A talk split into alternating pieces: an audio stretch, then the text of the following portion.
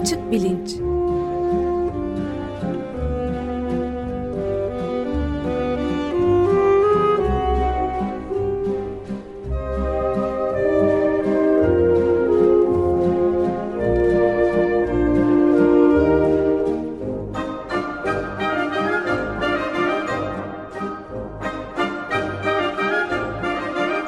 Güven Güzeldere ile bilim ve felsefe sohbetleri. Merhaba Güven Bey, günaydın. E, günaydın Can, merhaba. E, bu hafta Ömer Madra yanımızda yok. E, kendisi şu anda New York'ta. Muhtemelen bu saat dilimleri içerisinde de uyuyordur. Ama muhtemelen yine aynı şekilde e, yayını da dinleyecektir e, ertesi gün kalktığında.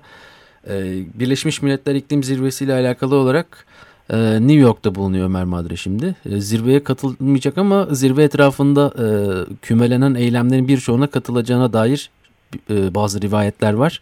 Biz de yakından takip etmeye çalışacağız Ömer Madra'nın oradaki izlenimlerini. Ama e, bu süreçte de Açık Gazete devam ediyor. Kaldığımız yerden de Açık Bilinç programında da konuşmaya devam ediyoruz. Ee, geçtiğimiz hafta e, beynimizin %10'unu kullanabilmek üzerine yaptığımız e, ufak bir sohbet vardı. Galiba bu hafta da aynı şekilde devam edebiliriz. Siz ne dersiniz?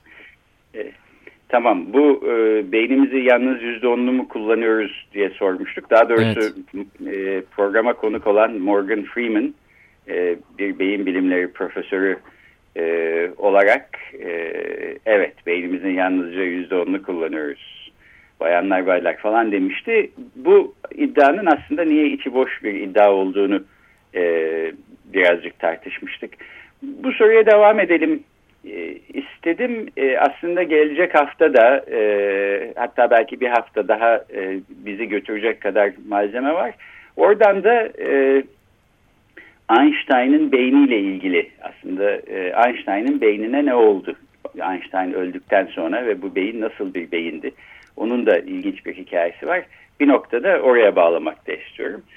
Ee, evet Ömer Bey yok New York'ta gelecek e, yani bu e, e, pazar günü büyük bir yürüyüş olacak. Onun haberlerini falan da herhalde e, radyodan hafta içinde e, ve e, yürüyüş sırasında alıyor olacağız. Evet hem Türkiye'de ee, hem de e, dünyanın dört bir tarafında gerçekleşecek olan yürüyüşler olacak. Aktarma fırsatı bulabileceğiz diye düşünüyorum.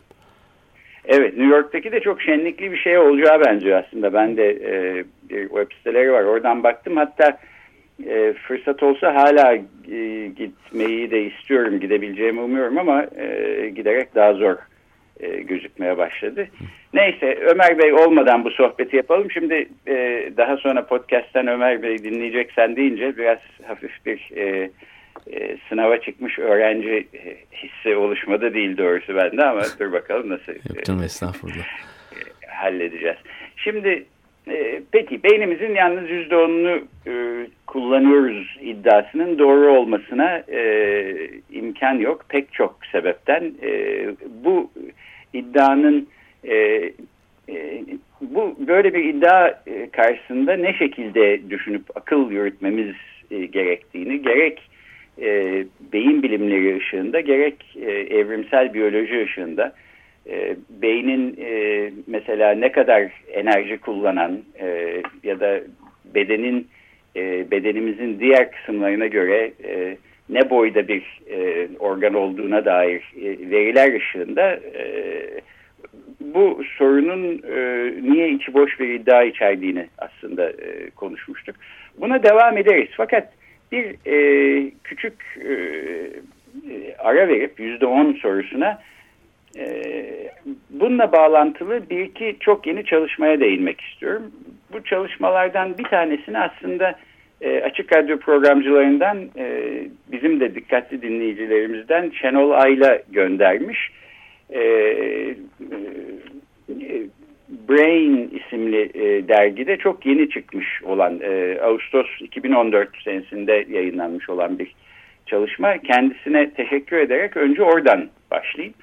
E, e, Çin Halk Cumhuriyeti'nde e, 24 yaşında bir e, hasta e, hayat boyu e, baş dönmesinden e, muzdarip olduğu ve e, son bir aydır da e, midesinin bulandığını söyleyerek e, nöroloji bölümüne hasta olarak e, geliyor. E, evli ve e, bir çocuk annesi e, bir kadın.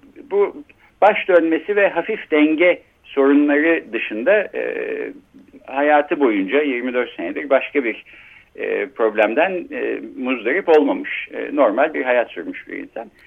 E, beyin görüntülemesi yaptıkları zaman e, bu, bu kadına görüyorlar ki e, cerebellum denen e, beyninin e, çok önemli bir e, parçası e, tamamıyla bu kadının kafasının içinde yok. E, cerebellum e, beynin iki yarı küresinin altında yer alan ve e, anatomik olarak son derece e, bariz kendine özgü bir yapısı olan e, beynin yaklaşık e, beynin tamamının yaklaşık yüzde onunu e, ağırlık ve volüm olarak oluşturabilen fakat e, nöronların e, çok sık bir şekilde e, içinde yer aldığı ve e, e, özellikle motor hareketlerimiz ve denge e, konusunda e, e, çok sofistike hesaplar yapmak durumunda olan bir parçası. E, cerebellum denen e, beynimizin kısmının olmadan bir insanın e, yaşayabilmiş olması, 24 yaşına bulabilmiş, evlenip çoluk çocuk sahibi olabilmiş, ufak tefek denge problemleri dışında e, bunun e, cerebellumun olmasın, olmamasının e, e, bu kadının hayatını e,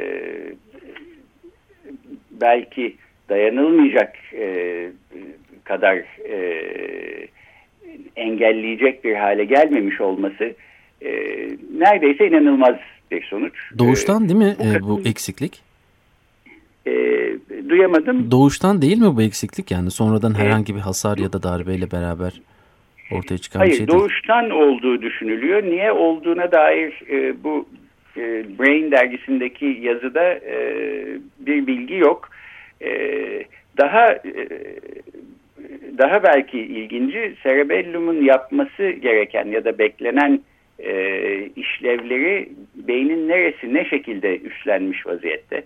Yani burada e, plastisite meselesini konuşurken e, beynin e, nöronal yapısının e, nöronların arasındaki bağlantıların ve e, hangi anatomik kısmın hangi işlevi üstleneceği meselesinin de e, bir takım değişikliklere hayat e, insanın hayatı boyunca e, değişikliklere tabi olabileceğinden falan bahsetmiştik. Burada belki bunun zirve yaptığı çok e, e, etkileyici bir durumla karşı karşıyayız. E, herhangi yetişkin bir insanda e, bir beyin ameliyatıyla cerebellumu mesela e, çıkartırsanız e, bu insanın e, e, yürümesi, e, kendini dengede bulması ya da işte başı dönmeden durması e, imkansız hale gelecektir. Bunu bırakın. Bunun ötesinde e, dille ilgili, bilişsellikle ilgili bir sürü başka e, çok ciddi problemlerin e, ortaya çıkacağı bariz gözüküyor. Fakat e, belli ki bu kadında beynin e, diğer kısımları e, serebral kortekste bir takım e, devreler e, büyük ihtimalle cerebellumun yaptığı işi üstlenmiş ve e, kadının bugüne kadar işte ufak tefek baş dönmeleri filan dengesizlikler dışında normal bir hayat e, sürmesine e, sürmesini sağlamışlar.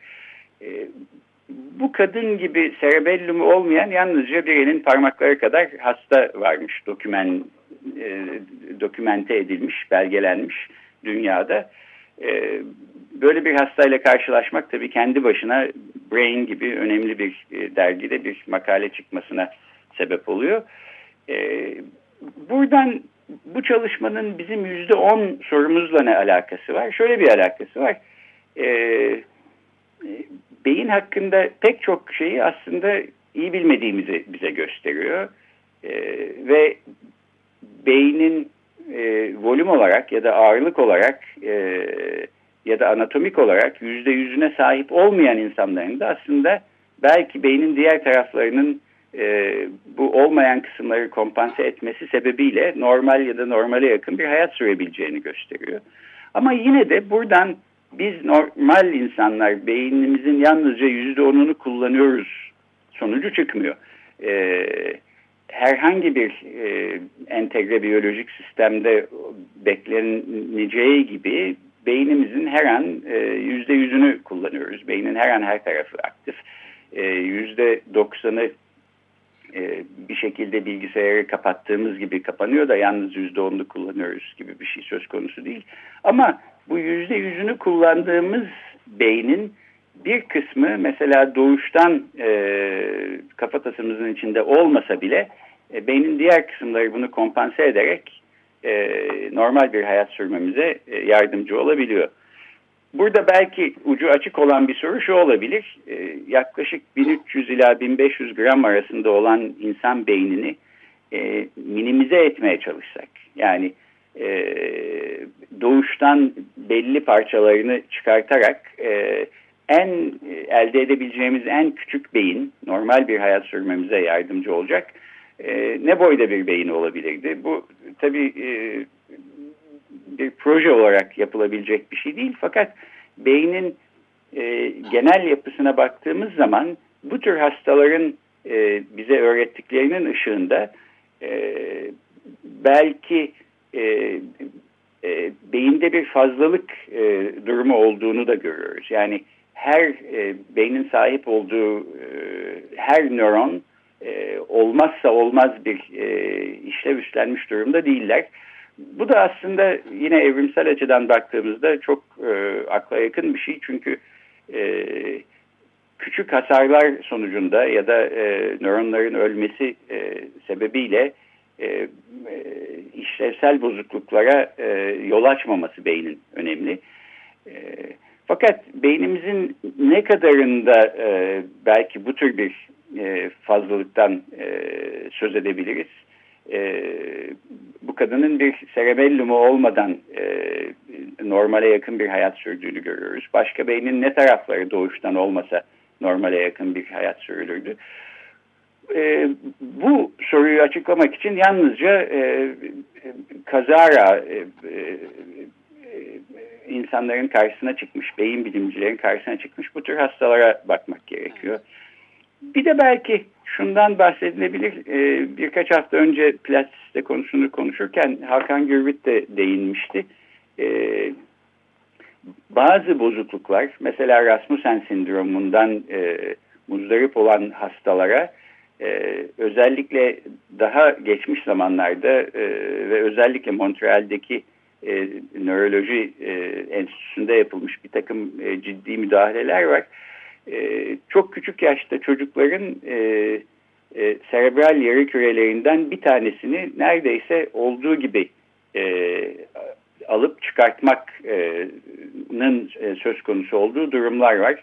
E, gerek e, enfeksiyonu engellemek gerek e, çok ciddi e, epileptik e, sonuçlarından e, hastayı kurtarmak için. Burada da neredeyse beyninin yarısı e, alınmış e, bir çocuğun nispeten normal bir hayat yaşayabilecek bir e, hale geldiğini, bir, normal bir yetişkin insana e, dönüştüğünü e, e, görmek mümkün. Böyle belgelenmiş e, durumlar var. Bu da yani e, bizim kafatasımızın içinde yer alan beynimizin e, belki her gramının normal bir hayat için şart e, olmadığını ortaya e, koyuyor. Öte yandan e, yine tekrar etmiş olayım e, kullandığımız beynimizin fakat kafatasımızın içinde yer alan beynimizin yalnız bir kısmını kullanıyoruz. Yüzde onunu kullanıp yüzde doksanını kullanmıyoruz gibi bir şey. Ee, öte yandan söz konusu değil. Ne kadarlık beynimiz varsa kafatasımızın içinde her an e, her kısmını kullanıyoruz gibi evet. gözüküyor. Ya galiba e, bu çalışmaların yani bu tip çalışmaların ne yazık ki en verimli olduğu dönemlerde savaşların olduğu dönemler olsa gerek. Yani Birinci Dünya Savaşı ve İkinci Dünya Savaşı'nda doğrudan darbe alan e, askerlerin e, sonucunda bir şeyden bahsedebilmemiz mümkün mü? Bu alanda yapılmış olan çalışmaların arttığından, e, zirve yaptığından, peak yaptığından böyle bir çalışmaların. Ee, sanıyorum mümkün. Ben e, yani bu soruya doğru bir cevap vermek için açıp istatistiklere bakmak lazım. E, bakmadığım için e, o tür kesinlikle bir cevap veremeyeceğim. Fakat haliyle e, kafatası e, ve beyin e, hasarı içeren e, hastaların çoğaldığı bir zaman olduğu açık e, e, savaşların. Bir de şu düşünülebilir, e, neyse ki belki demek lazım, İkinci Dünya Savaşı yıllarında beyin bilimleri e, çok ilerlemiş bir halde değildi. Yoksa Nazi doktorlarının e, birbirinden korkunç e, deneyleri e, toplama kamplarında e, e, Musevi tutsaklar üstünde yaptığını filan biliyoruz. E, bu e, yaptıkları deneyler arasında beyinle ilgili ciddi bir deney olduğuna dair ben hiçbir şey okumadım ama e, bugünkü beyin bilimleri e, bilgisi ve teknolojileri e, ellerinde olsa e, işte eminim bu mesela cerebellumunu çıkartsak nasıl olur bilmem e, beyine şöyle bir müdahalede bulunalım e, ne olacağını görelim filan diye herhalde birbirinden korkunç şeyler yaparlardı. E, iyi ki öyle olmamış. E, bir iki tane daha e, bu e, az önce bahsettiğim e, hastaya benzer e, hastanın e, belgelenmiş e, çalışması var. E, şöyle bir araştırırken gördüm. Mesela Lancet isimli e, yine medikal e, sektörün önemli dergilerindendir. E, 2007 senesinde e, bir yazı yayınlanmış. E, bu yazıyı da e, Lionel Feuillet isimli bir e, nörolog e, yayınlıyor. E, e, Marsilya'da e, Akdeniz Üniversitesi e, nöroloji bölümünde e, çalışan bir doktor. Bunlara da e, yazıda şöyle anlatıyorlar. 44 yaşlarında bir 44 yaşında bir adam geliyor ve e, sol bacağında bir e, zayıflık olduğunu üstüne basarken zorlandığını iki haftadır e, anlatıyor. E, bunun dışında çok ciddi başka bir nörolojik e, e, semptomlardan oluşan bir geçmişi yok bu adamın. E, muayeneden sonra beyin görüntülemesi de yapıyorlar ve orada e, görüyorlar ki aslında bu adamın beyninin içindeki boşluklar inanılmaz derecede büyük ve e, korteksi neredeyse ince bir zar e, gibi e, kafatasının e, çeperleri içinde yer alıyor. Fakat e, beyinle dolu olması gereken kafatası e, büyük ölçüde boşluktan oluşuyor.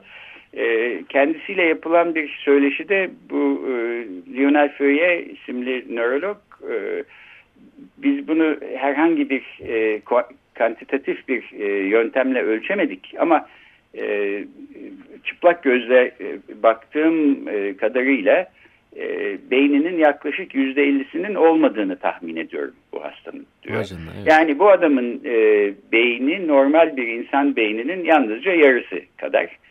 E, niye olduğu hakkında da çok fazla bir bilgi yok fakat doğuştan böyle olduğu e, gözüküyor. E, e, bir zeka testine tabi tutuyorlar. E, 75 e, puan alıyor buradan. 75 puan da zeka testinin alt ve üst limitleri normal kabul edilen alt ve üst limitleri arasında yer alıyor. Alt limite yakın bir sayı da olsa e, iyi kötü e, normal bir yetişkin hayatı sürebilmiş bir insan. E, bu, bu şu demek e, belki beynimizin e, normal insanlarda yetişkin insanlarda e, işte 1300 ila 1500 grama kadar e, çıkan insan beyninin belki yarısı olmadan yalnızca diğer yarısıyla e, iyi kötü normal bir yetişkin hayatı e, sürmek mümkün olabilir. E, bunun Durum böyleyken de... niye e, o zaman bu boy bir beyine sahibiz? Niye daha küçük beyinlere sahip değiliz? E, bu da ilginç bir soru. E, bunun kısmen e, e, e, belki bir işlevi birden çok parçasının üstlenmesinde beynin e, beyin hasarlarına karşı bir tür e, sübap görevi gördüğü düşünülebilir evrimsel açıdan baktığımızda. E, fakat bu ucu açık ve ilginç bir soru olarak önümüzde duruyor. Demin galiba sözünü kestim pardon. Yok estağfurullah. Bunun gündelik hayata etki etmemesi beni biraz daha e, ilginç bulduğum noktalardan bir tanesi. Yani beyninizin yaklaşık %50'si yok ama gündelik hayatta herhangi bir problemimizin olmaması gibi bir durum söz konusu oluyor. Denge problemi de dahil miydi biraz önce e, söylediğiniz hastanın e, belirtileri arasında? Onda da denge problemi var mıydı yoksa yok muydu? Bu adamda bir denge probleminden bahsedilmiyor bu yazıda. Yalnızca e, sol bacağın üstüne basarken bazen bir zayıflık hissi e, olduğundan bahsediliyor. Fakat bu adamın e, yaklaşık yüzde ellisi olmayan kısmı e, serebral e, beynin serebral kısmı cerebellum hakkında bir şey söylenmiyor ama e, normal bir cerebelluma yani e, beynin iki yarı küresinin altında ayrı bir anatomik e, yapı olarak yer alan e, cerebellum bu adamda normal olabilir. Dolayısıyla dengeyle ilgili bir e, sorunu olmaması e, beklenebilir. E, diğer e, Çin'deki e, hastanınsa e, öteden beri, doğuştan beri ufak tefek baş dönmeleri, denge problemleri olmuş ama normal bir hayat, nispeten normal bir hayat sürmesini engelleyememiş. E, bu ve bunun gibi çalışmalar daha önce de dediğim gibi aslında beyinle ilgili ne kadar az şey bildiğimizi bir taraftan gösteriyor.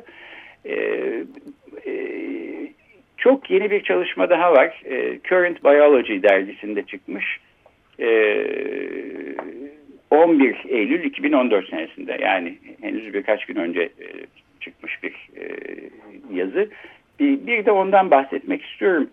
E, e, beynimizin yüzde onunu mu kullanıyoruz meselesiyle de aslında biraz alakalı.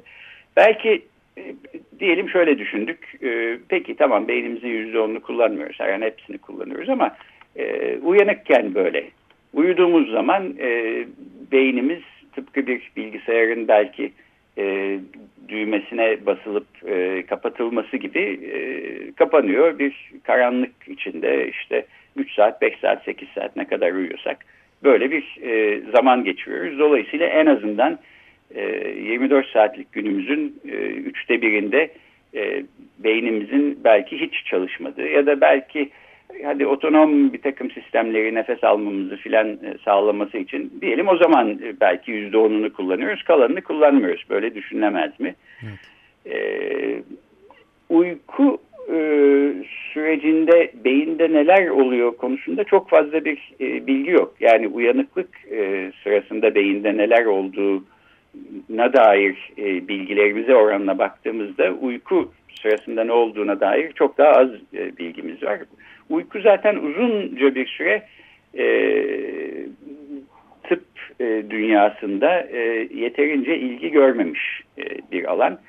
E, uyku ve rüyalar hakkında e, ben doktora yıllarımda epey çalışmıştım. E, Amerika Birleşik Devletleri'nde galiba hatta dünyada ilk uyku laboratuvarı Stanford Üniversitesi'nde kurulmuştur. William Dement isimli bir e, uyku e, çalışmacısı e, bir psikiyatristin kurduğu. Daha sonra rüyalar ve özellikle rüyada rüya gördüğünün e, farkına e, insanın vardığı lucid rüya denen e, özel bir rüya türü e, üzerine de e, bir parça araştırma yapmıştım. Bir noktada bunlardan da bahsederim. Fakat e, şimdi bahsetmek isteyeceğim çalışma insanın rüya sırasında da aslında dil bilimsel bir takım e, beyinsel hesaplamalar yapıyor olduğunu iddia ediyor. E, e, dediğim gibi Current Biology dergisinde yayınlanmış 5-6 e, yazarı var fakat asıl e, araştırmayı yapan baş araştırmacı Sid Kudiye e, diye özellikle bilinç konusunda e, çalışan bir e, beyin bilimci. Benim de aslında yaptıklarını beğendiğim, e, tanıdığım birisi. E, çok basit aslında bir e, deney yapıyorlar. E, bu Ekol Normal Superior'de e, e, çalışan insanlar bunlar Paris'te. E, EEG vasıtasıyla e, beyin dalgalarını kaydederken deneklerin uyanık halde e, bu deneklere çeşitli kelimeler gösteriyorlar ve evet. bu kelimelerin bir nesne mi olduğunu yoksa bir e, canlı bir hayvan mı olduğunu e, kategorize etmesini e, istiyorlar deneklerden. Eğer e, işte masa kelimesini gördüysen sağ elindeki düğmeye basıyorsun. Balık gördüysen sol elindeki düğmeye basıyorsun. Bunu yaptıktan sonra e, karanlık bir odada e, bu hastaların, e, bu deneklerin pardon e, uyumalarını rica ediyorlar. E, beyin dalgalarına bakarak bir insanın ne zaman uyanıklıktan uykuya geçtiğini e, anlamak, görmek mümkün. E, uyku hali başladıktan sonra e, kulaklıktan aynı e, şekilde e, benzer ama başka farklı kelimeleri e, veriyorlar e, insanlara. Ve e, bu deneklerin beyninde uyanıkken yaptıklarına benzer bir e, kategorizasyon aktivitesi olduğunu görüyorlar. Yani bu insanlar o anda uyuyor da olsalar beyinleri aslında bu uyaranlara e, nesne mi yoksa canlı mı hayvan mı şeklinde bunu anlamak üzere e, benzer bir aktivite e, gösteriyor.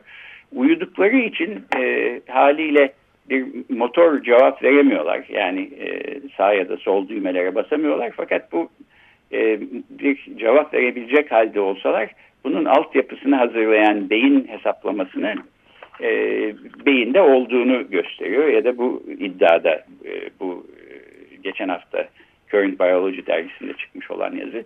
Bu da belki e, uyku sırasında aslında beynin düşündüğümüzden çok daha aktif olduğunu gösteren e, pek çok veriden bir tanesi.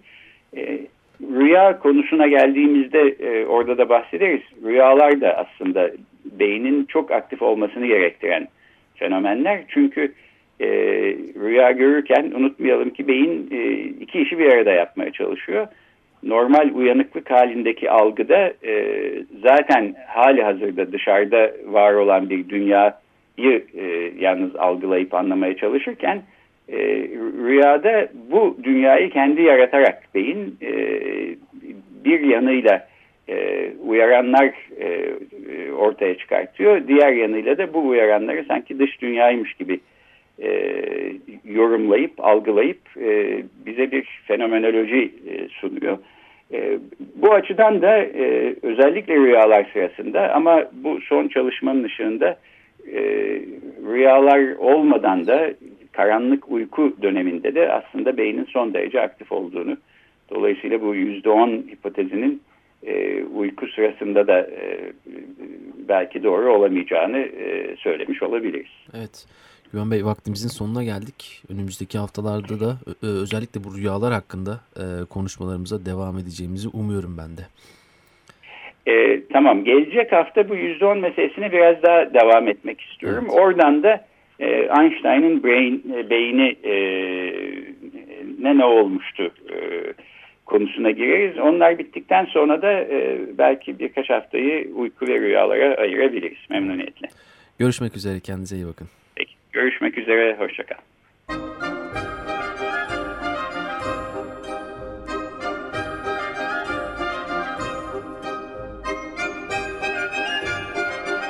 Açık Bilinç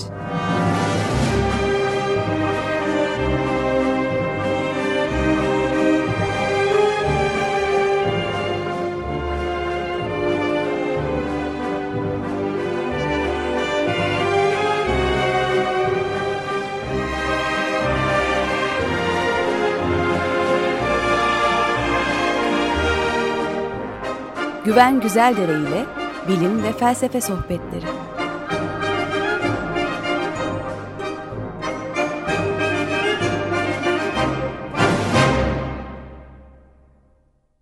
Açık Radyo program destekçisi olun. Bir veya daha fazla programa destek olmak için 212 alan koduyla 343 41 41